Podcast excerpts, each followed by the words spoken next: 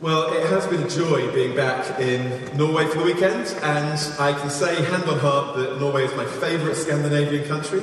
Uh, so it's been a joy being here. It did remind me of the story of the uh, three women who went into hospital one night, all to give birth. There was a Norwegian lady, um, there was a Swedish lady, and there was a Pakistani lady.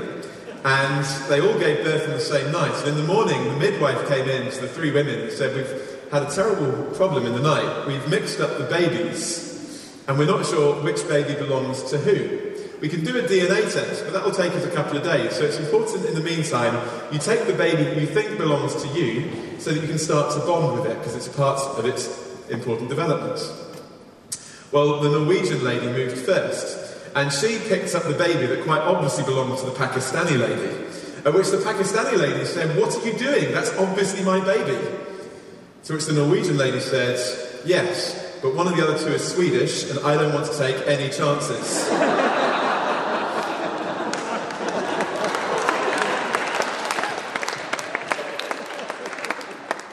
Thanks for the applause, but you do realise if I go to Sweden, I'll swap it round. but it is a joy to be here, and it's been great, hasn't it, this weekend, to be thinking about this wonderful subject of faith. And we've been thinking about how faith uh, is the Christian, it is part of the Christian life, the foundation of the Christian life. And our faith is without seeing. We have faith without sight, but it's not faith without thinking. It is based upon evidence, it's rational, it's sensible. We have faith without sight, not faith without thinking. But you could also say, not only do we have faith without sight, but sometimes we have to have faith without feelings. And in some of the seminars over this weekend, we talked about our feelings, which can be very changeable, can't they? Our feelings can go up and down with the weather, which in this part of Europe can often mean being down, as in Britain as well. Our feelings can go up and down depending on what we had for dinner last night. Um, our feelings can go up and down depending on the circumstances of our lives. And if our faith is based on our feelings, we will have a very rocky time of it. Uh, someone put it this way they said there are three things in the Christian life there are faith, uh, there is facts, and there are feelings. And the important thing is to get those three things in the right order. As a very young Christian, I remember someone drawing this diagram on the back of a sheet of paper that's always stuck with me. He said, Imagine a train. The engine at the front is the facts. That's what you can build your Christian life on. The unwavering facts of the fact that Jesus lived and died and rose again. It's not going to change. And then you can place your faith in what you know is true, the facts. And then your feelings will follow. They're not in importance, but they follow at the back. And they said the mistake of many Christians is to get those three things in the wrong order. You put your feelings at the front and you're driven by your emotions. And if you feel it because you're feeling happy or you're in a wonderful worship service, then you'll believe it. You have faith. And then you'll think, well, it must be true. No, the other way around. Facts, faith, and then feelings. But this morning I want us to think about this idea of standing firm in the faith. In 1 Corinthians 16, at the end of that letter, Paul writes, Be on your guard, stand firm in the faith be courageous, be strong. We've talked about having faith, we've talked about growing in faith, but this morning, as we come to an end of this weekend, I want us to think about how we stand firm in the faith. See, the statistics will say that out of the number that are gathered here this morning, quite a few of you, within five years' time, will not come to a meeting like this will not be involved in Christian meetings at all. In fact, you won't have any time for Christianity whatsoever. That might sound bleak, but that is the reality. That many who could start brightly in the Christian faith don't continue in the Christian faith. It's a matter of great pain for me that one of the people who was most influential in my Christian life, one of my greatest friends and mentors, is no longer going on with Jesus. And so Paul's command is very relevant to us this morning. He says, Stand firm in the faith, be on your guard, because if you don't, you may not stand firm, you may not stand at all. And so I want us to think this morning about four things that we need to be on our guard against that would shipwreck or derail our faith. Four things that will stop us standing firm in the faith. Because I'm a preacher, they all begin with the same letter, they all begin with D. And the first is doubts. Doubts. It's worth saying, as I think has been said at other points over this weekend, doubt is not the opposite of faith. Having doubts does not mean that you don't also have faith. The opposite of faith is unbelief, and that's a different matter. It is possible to have doubts and still believe. There's a story about a guy who came to Jesus asking for Jesus to intervene on the behalf of his child.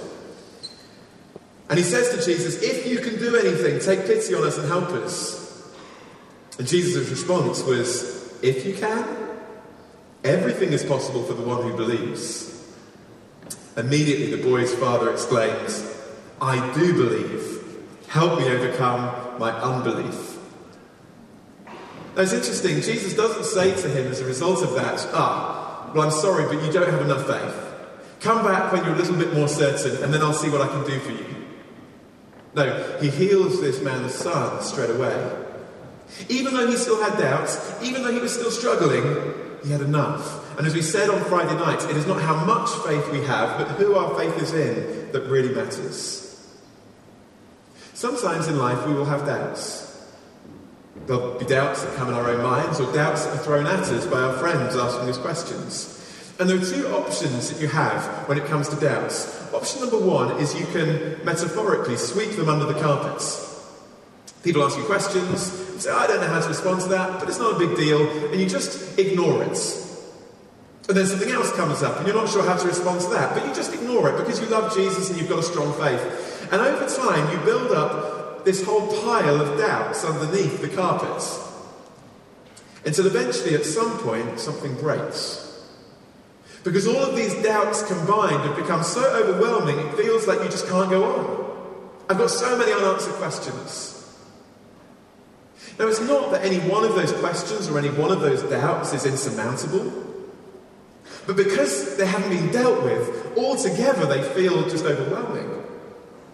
So, a much better piece of advice would be to do this. When you face questions or doubts, deal with them, raise them, ask them, chat them through with Christian friends and mentors, read up on those issues. Because what you will do is you'll find that there are answers to those questions. And so rather than being things that destroy your faith, doubts can be the very things that build your faith. Why? Because over time, again and again, you'll see that Christianity stands up to those objections and those questions. That's certainly been the case for me in my Christian life. I love it when people raise questions and throw doubts at me because it gives me the opportunity to grow in my faith. Don't sweep them under the carpets, but deal with them. Now, it's worth saying that we do not have exhaustive answers to every possible question we can ask. But we do have sufficient answers to show that Christianity is true. And when I have doubts and I can't work out in my mind how I can reconcile certain philosophical issues, I do come back to the basics and I say, Did Jesus live? Yes, he did. Did he die on the cross for me? Yes, he did. Did he rise from the dead? Yes, he did. It's a fact of history. So, can I trust him? Yes, I can. I can build it on that, facts that don't change. So don't let doubts destroy your faith. As you get doubts, deal with them. That's why this conference has been organised to help you stand firm against those questions and doubts that might come up. But the second D that might derail our Christian faith is discouragements. Discouragement that comes when you try and share your faith with others. And some of you are involved in this in your school, in your university. You're out there running events, Grill a Christians, mission weeks, and you're inviting people to come and hear about Jesus, and you're really enthusiastic about it. But then what happens is some people don't come, do they? But you prayed for them to come. And then other people come and they laugh at you, or they just don't get it, or they just seem so disinterested. And we can get so discouraged, can't we? How do we handle it when we have this thing that's meant to be a treasure that's so wonderful and true, and yet when we try and share it with people, they just don't seem to get it? And people respond negatively. It can really shake our faith, can't it? Is it really true? Or am I just rubbish? If I was a better evangelist, a better apologist, I would be able to convince them. It must be me. Actually, can I say this? If you face rejection when you try, try and share your faith, you are not alone. And actually, if you want 100% positive response when you share your faith, you actually want to be more successful than the Apostle Paul, because he didn't get that. And you even want to be more successful than Jesus, because he didn't get that. So good luck on that one, okay? In other words, when I read the Bible, I'm not led to believe that when I share the gospel, everyone will respond positively. They won't. People tried to kill the Apostle Paul. People did kill Jesus. We shouldn't expect that people will always respond positively. That doesn't mean we've done a bad job of sharing it, and it doesn't mean necessarily that the gospel isn't true. Of course not. In fact, it's one of the things that helps me to know the gospel is true. That people, in one sense, re- react so irrationally against it when all the evidence stacks up for it. So don't get discouraged. But also, don't let those discouragements make you assume that people will always respond negatively. I was speaking at a university in the north of England, and we'd had a kind of interesting week, and a number of people had reacted negatively, and I was feeling a bit discouraged as I walked across the campus. And as I walked across one afternoon, there were a group of lads um, on the edge of the quadrangle, and they looked over, and one of them shouted at me, quite a big guy, Oi, you! Now, when someone shouts, oi, you, in that kind of voice, uh, I'm tended to keep walking. So I kept walking, hoping that he was actually talking to someone else. And he said, uh, oi, you! So I thought, well, I'd better turn around, otherwise he's going to come after me. So I said, me? He said, yeah, you. Were you giving that talk earlier on at lunchtime? Now, by the sound of his voice, I thought maybe this was the time to pretend I had a twin brother who had given the talk instead. I don't. And so I admitted, yes, it was me. And I waited for what I expected was to be a barrage of insults. But what he said was this It was really interesting. Can we talk more? and I think sometimes, particularly if we've been bashed by discouragement, we can kind of expect that everyone's going to respond negatively. And sometimes we're surprised by how people do respond. But it can be hard. It can be really hard. I was doing a mission week in Scotland and we've had an interesting week, lots of people have been coming, and the Thursday night was the penultimate night of the week. I was excited about that night because I was going to preach on the subject of the cross of Jesus. And I was really praying that there'd be people who would become Christians that night. And so I've been praying and preparing all afternoon. And as I walked to the building where we were going to hold the event, I could see crowds of people converging on the venue. And I got really excited because I thought, wow, this is going to be a really exciting night. All these people are coming. When I walked in, I realised that they were all going left rather than right. And they were all going into a different room, which I discovered was the venue for the annual pole dancing society show. and our venue was next door, with far less people in the, in, in the room. But what was even worse was that the wall between the pole dancing room and the Christian Union room was very thin. And so everything that happened in that room could be heard in our room as I was trying to speak. So wolf whistles, loud pumping music, cheers and clapping, all the way through. But I was unperturbed because I thought, no, this is going to make a great story. I'm going to preach with all of this background noise, and there are going to be people who are going to become Christians, and I can tell this story for years to come about how God won the victory despite all of these battles. So I preached on through, ignoring all the noise and the distractions, and at the end, I gave a prayer of commitment. Then I said, if you pray tonight, come and get a booklet off me as I walk round at the end. So I walked round at the end, waiting for all these people to take the booklets. No one did. So I thought, well, maybe they're just shy. So I looked at the feedback forms that had been filled in to see who had signed up to say they were interested in finding out more. No one had. So then I talked to some of the Christian students to find out what their friends had thought of the event and if there was any interest. And as far as I could see, there was absolutely none. And I was utterly dejected. God, you were meant to show up. This was the night that people were going to become Christians, and nothing has happened. I have to admit, that night I left the venue early, I went back to the place that I was staying. I sat on my bed and I cried. And I said, God, it's not worth it. It's just not worth it. I preached my heart out tonight and nothing happens. I went to bed feeling utterly dejected. I woke up the next morning feeling no better. I dragged myself to the meeting and thought, well, Mission Speaker has to be in the prayer meeting, doesn't he? But I didn't want to be there. And as the prayer meeting started, one of the first year students, a girl 18 years old, stood up and she said, I was praying last night about what I should share at the prayer meeting this morning, and God laid this verse on my heart. And I think it might be for someone here this morning. And she read these words from Galatians chapter 6. Let us not become weary in doing good, for the proper time we'll reap a harvest if we don't give up. And the girl who was sitting next to me, um, she was uh, one of the people living in the house as well, the, the wife of another guy um, who lived there. She turned to me, she knew I was discouraged, and she just nudged me in the ribs and she said, um, I think that was for you. I said, with tears coming down my face, yeah, I think it was. No, I'd love to say that day, you know, hundreds of people became Christians. I don't know that they did. But I've never forgotten that verse. Do not be weary in doing good. And if you become weary in doing good, you've tried and nothing's happened, and you feel like giving up, don't give up. Don't be discouraged. Keep going, because there will be a harvest. Let me just tell you one other story on this. I spoke at a Christmas event at a Christian Union in London several years ago now. And at the end of the event, there was a student there that was quite interested, and uh, as I was going to be in London the following day, I said, Well, do you want to meet up? We could have coffee together, we could talk more. So we did. She came with lots of questions, and we sat there in this coffee shop, them through.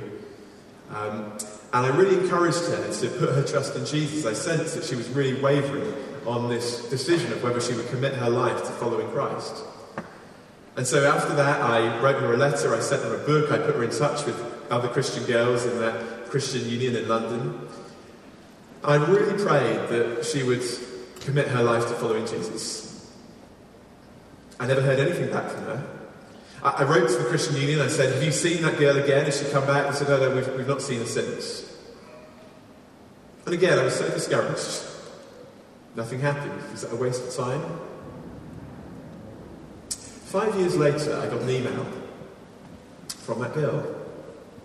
She said, Five years ago, you met up with me in a coffee shop on Tottenham Court Road in London after a Christmas service. She said, You've probably forgotten about it. I hadn't. She said, You encouraged me to become a Christian. I didn't. Because at that stage, my boyfriend was more important to me than following Jesus. She said, I lived in a state of battle over this for several months. But these were her words. She said, Eventually, Jesus won and my boyfriend lost, and I decided I would follow him. She said, I've since graduated, I've been baptized, I'm now married to a Christian guy, we work for a church in London and we head up the student ministry. Recently, we just moved house and I found your letter while we were moving. I thought I might contact you because you might be encouraged. It was five years later. Don't become weary in doing good. It can be discouraging. A friend of mine says we're going to be involved in sharing the gospel. We need a bottomless capacity to handle disappointments. Don't be discouraged. Keep going. And one of the wonderful things I find about being a Christian for not just a year or two, but for decades, is that you start to hear more encouragements later on of things that you never knew that happens. And one day, I think, in heaven, we'll see the full picture, won't we?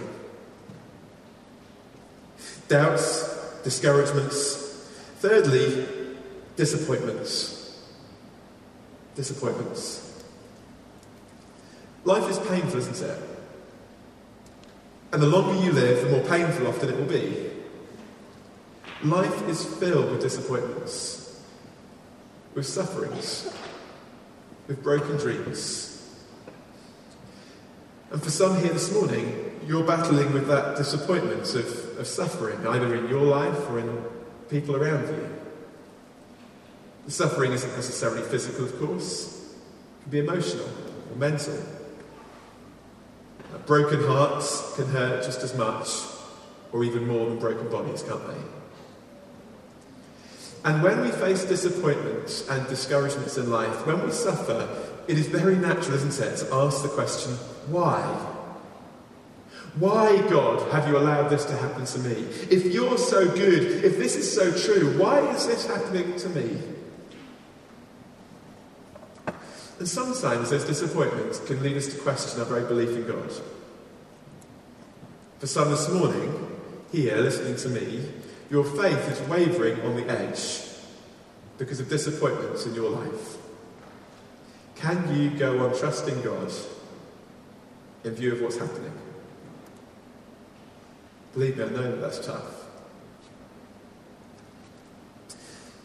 One of the reasons sometimes why that might be the case is that we can have a wrong expectation of what it means to be a Christian now. What do I mean by that? And sometimes we can have this expectancy that if I'm a Christian and if I have enough faith, then God will answer all my prayers and He will heal me or heal those around me and He'll sort out my problems. I've heard people say that. Oh, if you just had enough faith, you would be made better. If you just had enough faith, you wouldn't have that struggle. Can I say there is no promise in the New Testament that guarantees that God will sort out all our problems or bring about complete healing now?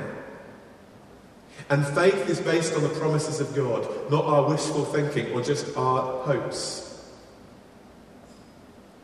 And so when people say, if you just had enough faith, they are being very hurtful.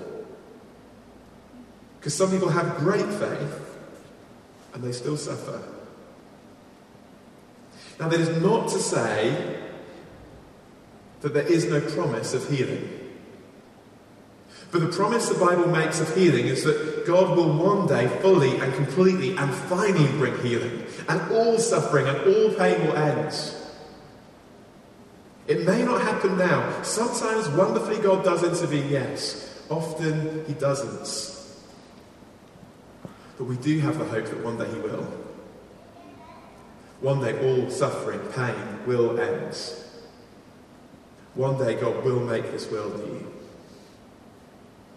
Joni Eareckson Tada was an athletic teenage girl who became a quadriplegic through a diving accident in a lake. And as a young Christian struggling with the fact that she would never walk again, some Christians said to her, Joni, if you just had enough faith, you will be made better. She never has. She spent her life in a wheelchair.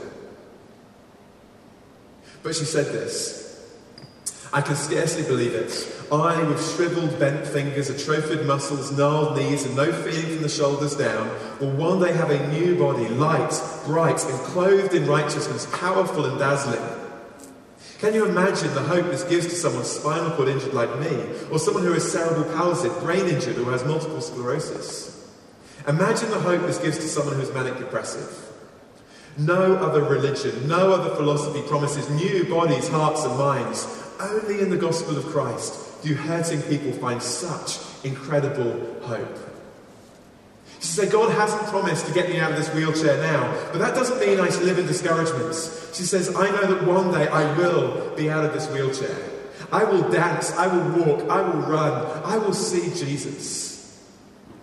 That is the hope of the Christian life. Not temporal healing now necessarily, but full and complete healing in an eternal new creation.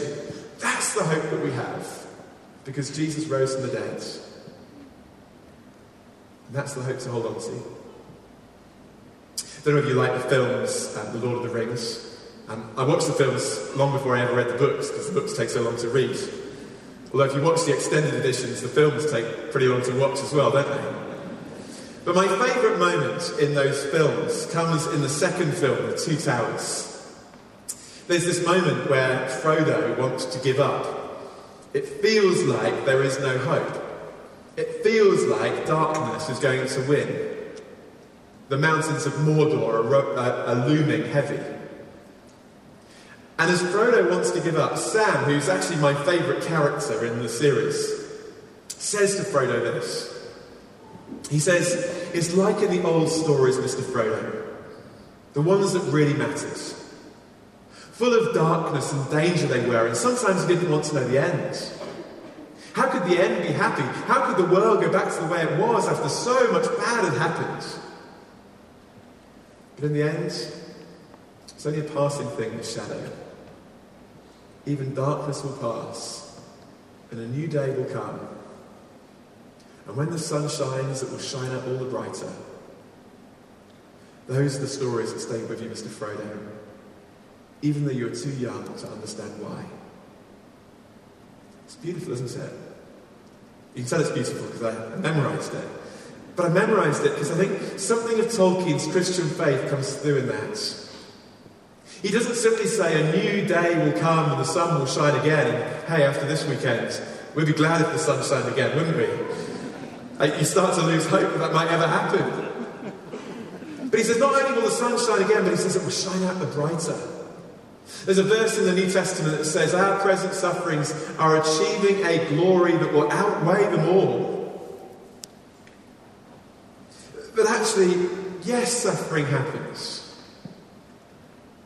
But as Mother Teresa once said, in comparison to heaven, all of the sufferings of life are like one night in an inconvenient hotel. We have hope.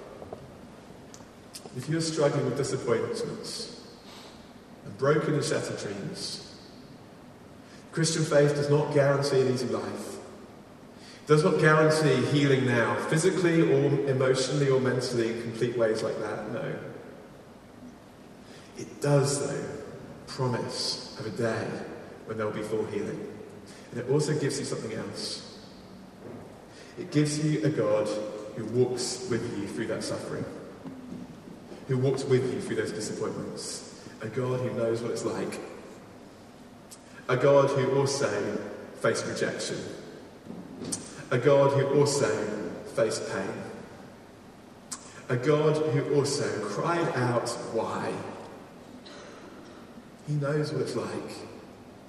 And He is with you. And He will walk with you. Don't let disappointments derail your faith. Doubts, discouragements, disappointments, and then fourthly, disobedience. I meet some people, and they say to me something like this I used to be a Christian. I used to go along to these kind of events, but I don't anymore. Do you know why? And I say, Why? And they say, Because science is bearing God. I'm just into science. Or they say, I just cannot reconcile the contradictions that I see in the Bible. Or they say, I just don't think the New Testament is historically reliable. Or they say, I'm not convinced of the evidence of the resurrection. Or any one of many different intellectual doubts. That's what they say. But actually, when you scratch beneath the surface, the thing that really stopped them following Jesus was not their intellectual doubts. But at some point along the way, they started disobeying God. They knew that God had told them that there was something they should do or they shouldn't do, and they did it, they didn't do it anyway. And they consciously started to live in disobedience. Now, of course, our pride doesn't like to admit that the reason why we're no longer a Christian is that we wanted to sleep with our girlfriend or boyfriend, or we wanted to do something that we didn't want to do. So we dress it up. But actually, if we're honest, it's not always intellectual at all. It's disobedience.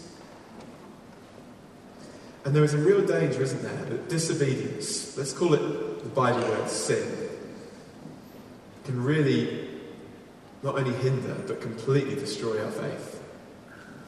Now, I'm not saying that as Christians we live a sinlessly perfect life. We can't and we won't. And the glorious thing about heaven will be no more sin, no more temptation, no more battles with that. Of course we'll mess up. But for some, it's become a conscious decision I don't care. I'm going to do this. I know it's wrong, but I want to. And that's when it becomes different. And maybe there's some here this morning and you're playing with sin. And you don't know how dangerous it can be. I remember going to a very large conference in South Africa a few years ago, and there was an African preacher there who told a story about a porcupine. And I've never forgotten this. And it's best if you do it in an African accent, but mine might turn into an Indian accent after a few sentences, because that's what all my accents turn into after a while. Uh, but he was preaching and he said this In a certain country, there was a law, let's not do the accent, let's just tell the story. A law that said you could not eat porcupines.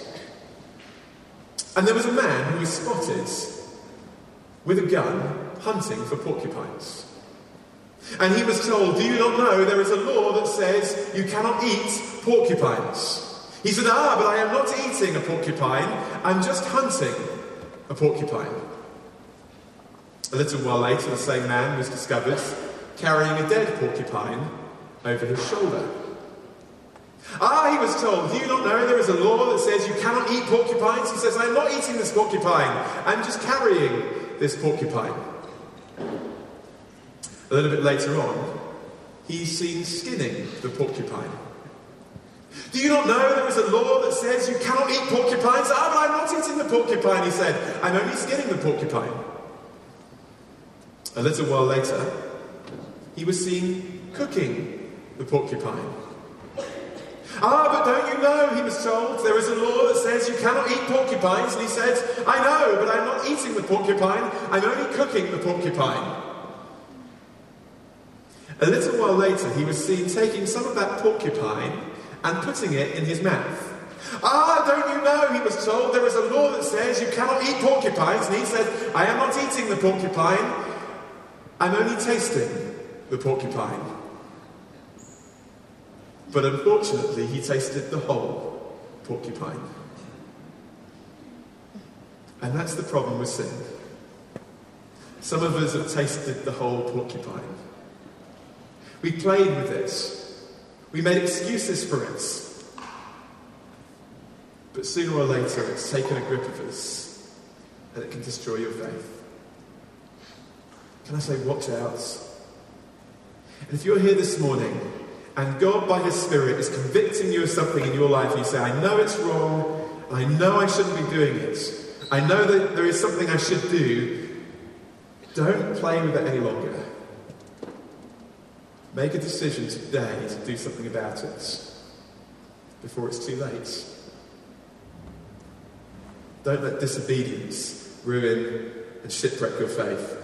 In the book of Hebrews, chapter 12, right after that verse we looked at yesterday, after that wonderful chapter on people who live by faith, the author says this Therefore, since we are surrounded by such a great cloud of witnesses, let us throw off everything that hinders and the sin that so easily entangles, and let us run with perseverance the race marked out for us. Sin will trip you up, sin will stop you. Throw it off, get rid of it, and stand firm in the faith. The author of that verse pictured faith as a race, the Christian life as a race to be run. And as we come to the end of this last session altogether, I want to ask two questions. Firstly, have you started running that race? You even begun? As Lara said yesterday, have you put your hand into the hand of God? Not just do you know all of these facts and truths and evidences, but have you placed your hand in the hand of Jesus and said, Yes, I'm going to trust him? If you haven't yet, do it before you leave. Put your trust in Jesus. Make this weekend the weekend you start out in the race. You stop being a spectator and you become a participant. Begin the race. But there are many here that I'm speaking to, and you have begun the race. Some of you started last night. Some of you started this year. Some of you started years ago. My question to you is Are you going to keep running the race? Are you going to keep going? Because actually, there's no great glory in just beginning a race, is there? It's in finishing well that really counts. Are you going to run with perseverance? Are you going to finish? Are you going to stand firm? Be on your guard against doubts, against disappointments, against discouragements, against disobedience. Stand firm. How do you stand firm? Let me just give you very, very briefly five pieces of advice. Stand firm by getting into the Word of God. Make it a daily habit to read God's Word, to read the promises of God. Don't come to the Bible primarily as a book about what you need to do for God, but read it as a book telling you what God has done for you and be encouraged that you can stand firm on His promises. Get into the Word of God. Number two, commit to prayer. Relationships cannot grow where there is no communication. So commit to praying each day.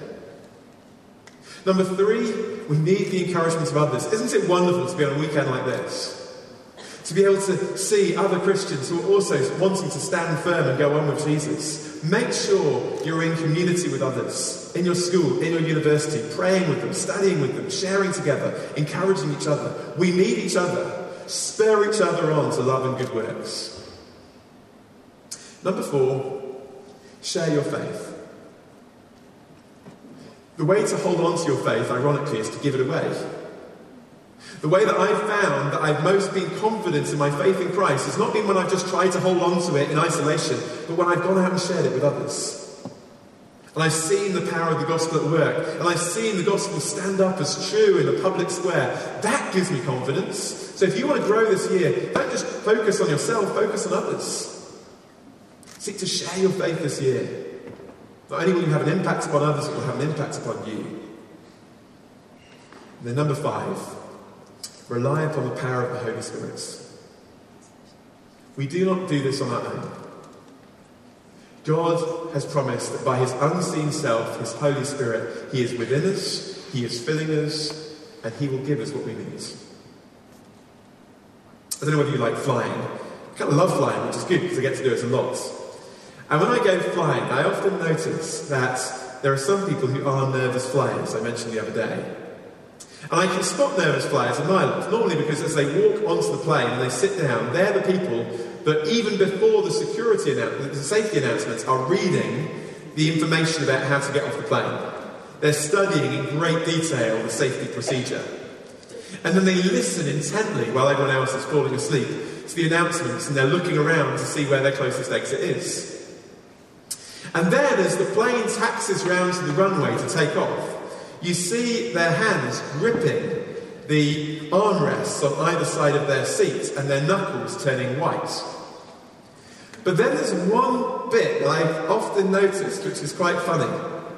As you get onto the runway, the engines kick in, the roar of the engines, and you're rushing down the runway faster and faster. And you're at that point where you realise that you're going to have to get in the air pretty soon.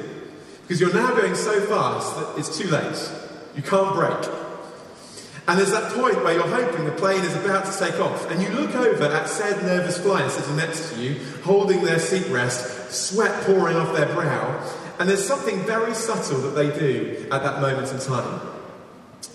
Just at the moment the plane is about to go in the air, they push down on their armrests. you ever seen that? It's just it's very subtle. It's just like a I'm looking over and I'm thinking to them, what are you doing? Like, what are you trying to do? Do you think that you're pushing down on the armrest is going to get this plane in the end? Like, I mean, I've got to wait for the, the pilot to come on the tannoy and say, ladies and gentlemen, thank you to the gentleman in row 33, seat B. Um, if it wasn't for you, we'd all be dead right now. Thank you for pushing down. I'm like, ah! Like, it's not going to... You've got massive big engines that are going to get you in the air. You don't need to panic. You just let them take you. And Jesus says we have the Holy Spirit, God Himself within us. We have all the resources we need. It's not down to our little efforts, but resting and trusting in Him. He is the one that can help us stand firm. And He is with us. So let's pray.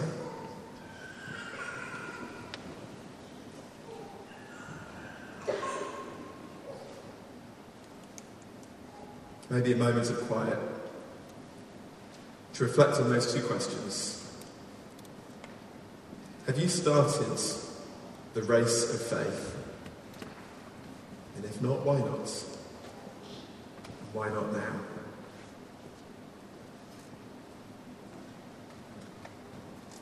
And secondly, will you continue that race to the very end.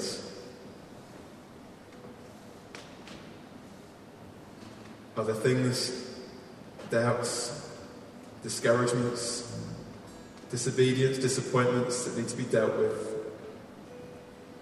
that would hinder you from doing that?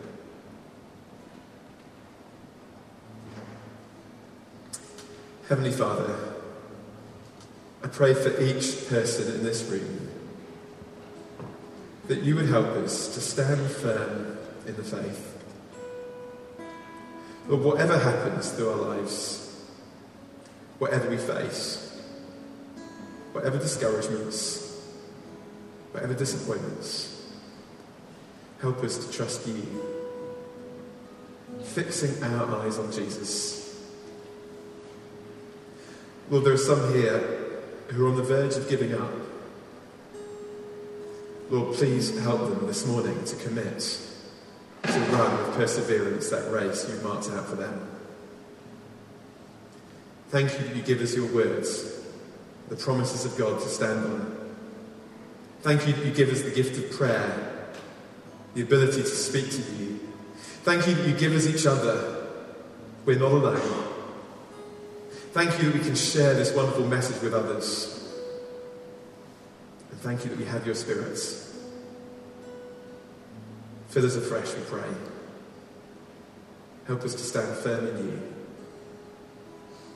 We pray in Jesus' name. Amen.